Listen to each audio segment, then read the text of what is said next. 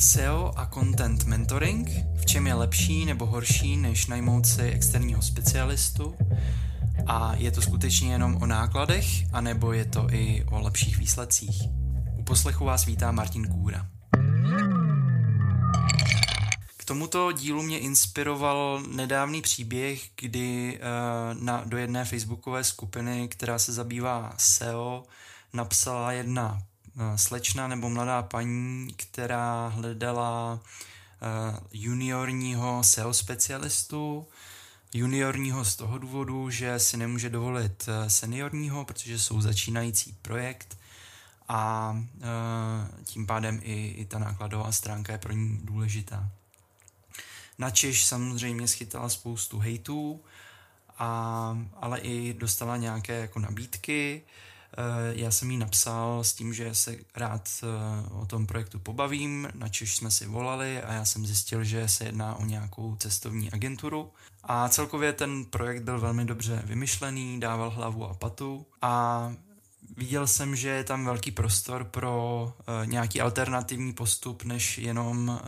klasické SEO nebo analýza klíčových slov a tak dále. Vzhledem k tomu, že ten tým byl nějakým způsobem uh, otevřený tomu se spoustu věcí naučit a udělat si sám a celkově velmi dobře by se s tím týmem pracovalo. Takže k tomu uh, jsem získal in, inspiraci u tohoto projektu. Uh, já bych řekl, že je zásadní, kdy v jaké fázi ta firma je, aby se vám nějaký takový mentoring vyplatil, aby padl na úrodnou půdu. Uh, určitě byste měli mít uh, interní kapacity, uh, hlavně na psaní obsahu nebo tvorbu obsahu. Obecně, nemusí to být nutně psaní, Může to být i třeba tvorba nějakých videí, ono potom ten, s tím obsahem se dá hodně vyhrát, dá se zrecyklovat, dá se s ním pracovat různým způsobem, sdílet na různých místech a tak dále. Takže třeba z videa můžete udělat přepis nebo Eh, z článků nebo z více článků můžete udělat kompilaci různých článků, dát to do newsletteru a tak dále, takže uh, jakoby možností práce s tím obsahem je skutečně nespočet. Dál potřebujete někoho interního, kdo rád pracuje s daty, nebo kdo, kdo, má, kdo umí pracovat s daty, s tabulkami, s čísly. Takže někoho takového, kdo, komu to jde s čísly. A ideálně, když máte odzkoušeno, že umíte pravidelně tvořit ten obsah. To znamená, že to není jenom o tom, že něco vytvoříte a potom si musíte dát uh, týden pauzu, jak jste z toho hotoví, ale uh, umět tvořit obsah na nějaké jako pravidelné bázi. Třeba klidně i na té týdenní bázi, nebo i, i klidně třeba na denní bázi, záleží na tom, jak, eh, jak komplexní vlastně ten váš brand, ale rozhodně by to mělo být nějakým způsobem pravidelně a nemělo by vás to příliš jakoby zatěžovat, eh, mělo by vás to jako nějakým způsobem i bavit. No a pak potřebujete jednoho člověka, který je něco jako koordinátor, protože navzdory uh, některým uh, názorům, tak mentor není koordinátor a mentor není také žádný jakoby dráp nebo policajt nebo stavební dozor nebo něco takového. Mentor vám vlastně pomůže k těm výsledkům, ale odpracovat si to i jakoby musíte sami a odpracovat znamená i jako odřídit. Takže určitě potřebujete někoho, kdo umí řídit ten tým, kdo si poradí prostě s týmem, který má třeba tři lidi uh, pro účely tvorby toho obsahu a i potažmu nějaké, nějaké SEO a dokáže vlastně tyhle ty kapacity koordinovat. S čím vám vlastně může ten mentor eh, pomoct? Tak uh, jednak vám může pomoct nastavit tyhle ty procesy, nastavit ten projekt třeba, takže když třeba jste ve fázi, kdy řešíte analýzu klíčových slov, tak vám může ukázat, jakým způsobem postupovat, No a pak ty jednotlivé kroky vám s vámi třeba probírat a revidovat průběžně, jo? takže um, ať už se týká nějakého sběru dat, uh, nějakého uh, třeba práce s našeptávači, práce s daty, uh, deduplikaci, čištění vlastně té databáze, tak všechny tyhle ty kroky ten mentor s vámi může, může projít a vysvětlit vám vlastně, jak se to dělá.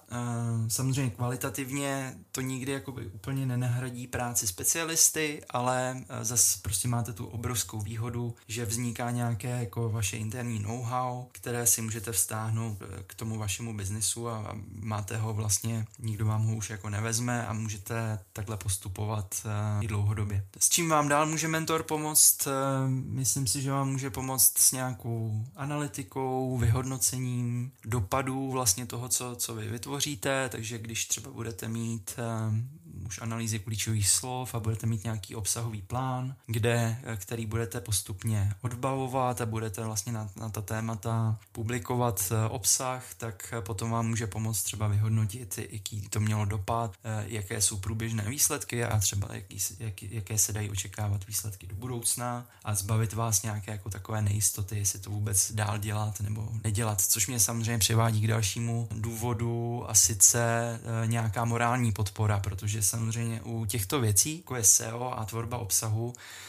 jsou to dlouhodobé věci a hodně často se vzdávají dost brzy. Typicky v prvních měsících, kdy vlastně by se to mělo už jako překlopit a začít to e, něco, něco generovat. Nějakou, nějakou návštěvnost nebo nějakou, nějaký brand nebo brandové povědomí. A ten mentor by právě měl umět uh, vyhodnotit a rozpoznat tyhle ty signály, kdy už to něco začíná dělat a ukázat vám to, vlastně ukázat, jak to poznáte na těch datech. Co určitě by vám mohl mentor pomoct, nebo určitě, ale určitě ne, ale myslím si, že by mohl, tak je nějak jako optimalizovat nebo zlepšit komunikaci vaší směrem k tomu týmu a rozvíjet vás jako, jako manažera nebo jako lídra toho týmu nebo toho člověka, který ten tým vede. Dost často právě mentoring vyhledávají začínající firmy, které e, si úplně třeba tady v tom neví rady a je to třeba jejich první e, tým, který takhle tím způsobem vedou nebo první tým tohohle druhu. Takže ten mentor, který by měl mít za sebou nebo měl by mít tyto zkušenosti, tak eh, by vám měl být schopen pomoct eh, s nějakou komunikací, s tím vlastně, když jakmile budete vést ten tým, tak tam začnou vznikat nějaké jako problémy nebo nějaké drobná, nějaká drobná nedorozumění, takže by vám je mohl být schopen jako s nimi pomoct a nějak vás jako navést, eh, jakým způsobem řešit tyhle ty věci. Je dobré mít takového jako parťáka právě v tom mentorovi, kdy se na něj můžete obrátit, speciálně když se ty věci nedaří. Takže, takže příklad, jeden klient právě si najal studenty na tvorbu obsahu, no a e, dal jim příliš volnou ruku a ti studenti potom mu tvořili obsah, který úplně jakoby neměl ten potenciál a vlastně ten klient jako nechtěl je úplně omezovat, protože oni byli v tom tvořivém módu, ale zase na druhou stranu potřeboval ty výsledky, které se mu jako nedostávaly, takže, takže potom nějakým způsobem jsme dali dohromady to, jakým způsobem nastavit to zadání a jak ho komunikovat a jak vysvětlit tu důležitost toho zadání tomu týmu, tak aby ten tým nestratil tu chuť do té tvorby, ale zároveň, aby i ta tvorba padla na úrodnou půdu. Jaká je výhoda mít eh, mentora oproti tomu outsourcovat SEO nebo outsourcovat tvorbu obsahu? Tak bez sporu je to to, že SEO jako takové je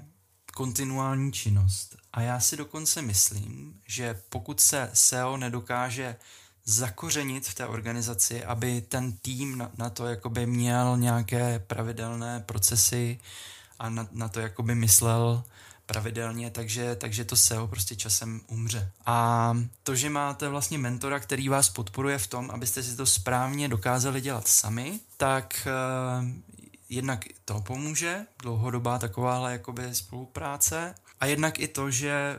vy uvidíte víc a líp ty výsledky, které vlastně vám ukáže ten mentor, jakým způsobem vyhodnocovat a tím pádem i uh, budete mít daleko větší motivaci vlastně to dělat a nebudete to mít jako další otravnou povinnost, jako je, já nevím, účetnictví, když jako nic proti účetním, ale někdy to tak bývá, že prostě a zase musíme řešit to SEO a zase ještě jsme tam nedali ty klíčové slova. Prosím tě, napiš mi ten SEO článek, protože potřebujeme něco dělat s tím vyhledávačem. Tak to uh, není jako dobré znamení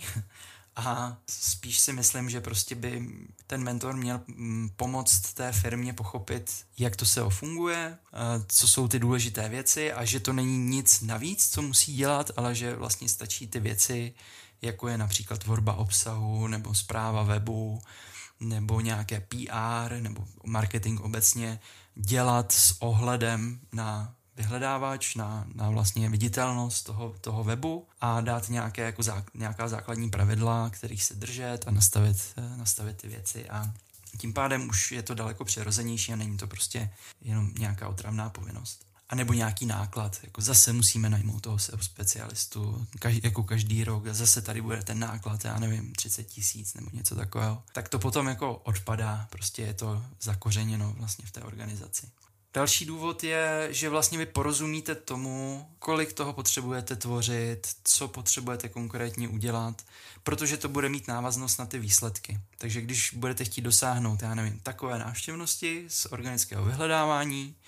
a víte, že to je kvalitní návštěvnost, že vám pomáhá, tak víte, co přesně musíte udělat, protože už jste si to vyzkoušeli a víte, že to nějakým způsobem mělo nějaký dopad. A nevzdali jste to předčasně, protože ten mentor vám právě pomohl vytrvat v té činnosti, protože viděl i e, ty jemné ukazatele, ty jemné výsledky a ukázal vám, jak to vyhodnocovat a tím pádem vy víte přesně, co,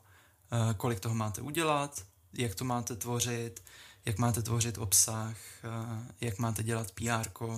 a tak dále, abyste dosáhli nějakých výsledků třeba v tom organiku, protože to sami, sami uvidíte a budete schopni vyhodnotit. A to si myslím jako důvody stačí, takže snad jsem vás eh, tím inspiroval jako vždy a eh, pokud ještě nejsme propojeni na LinkedInu, tak eh, vás zvu, abychom se propojili. Mějte krásný den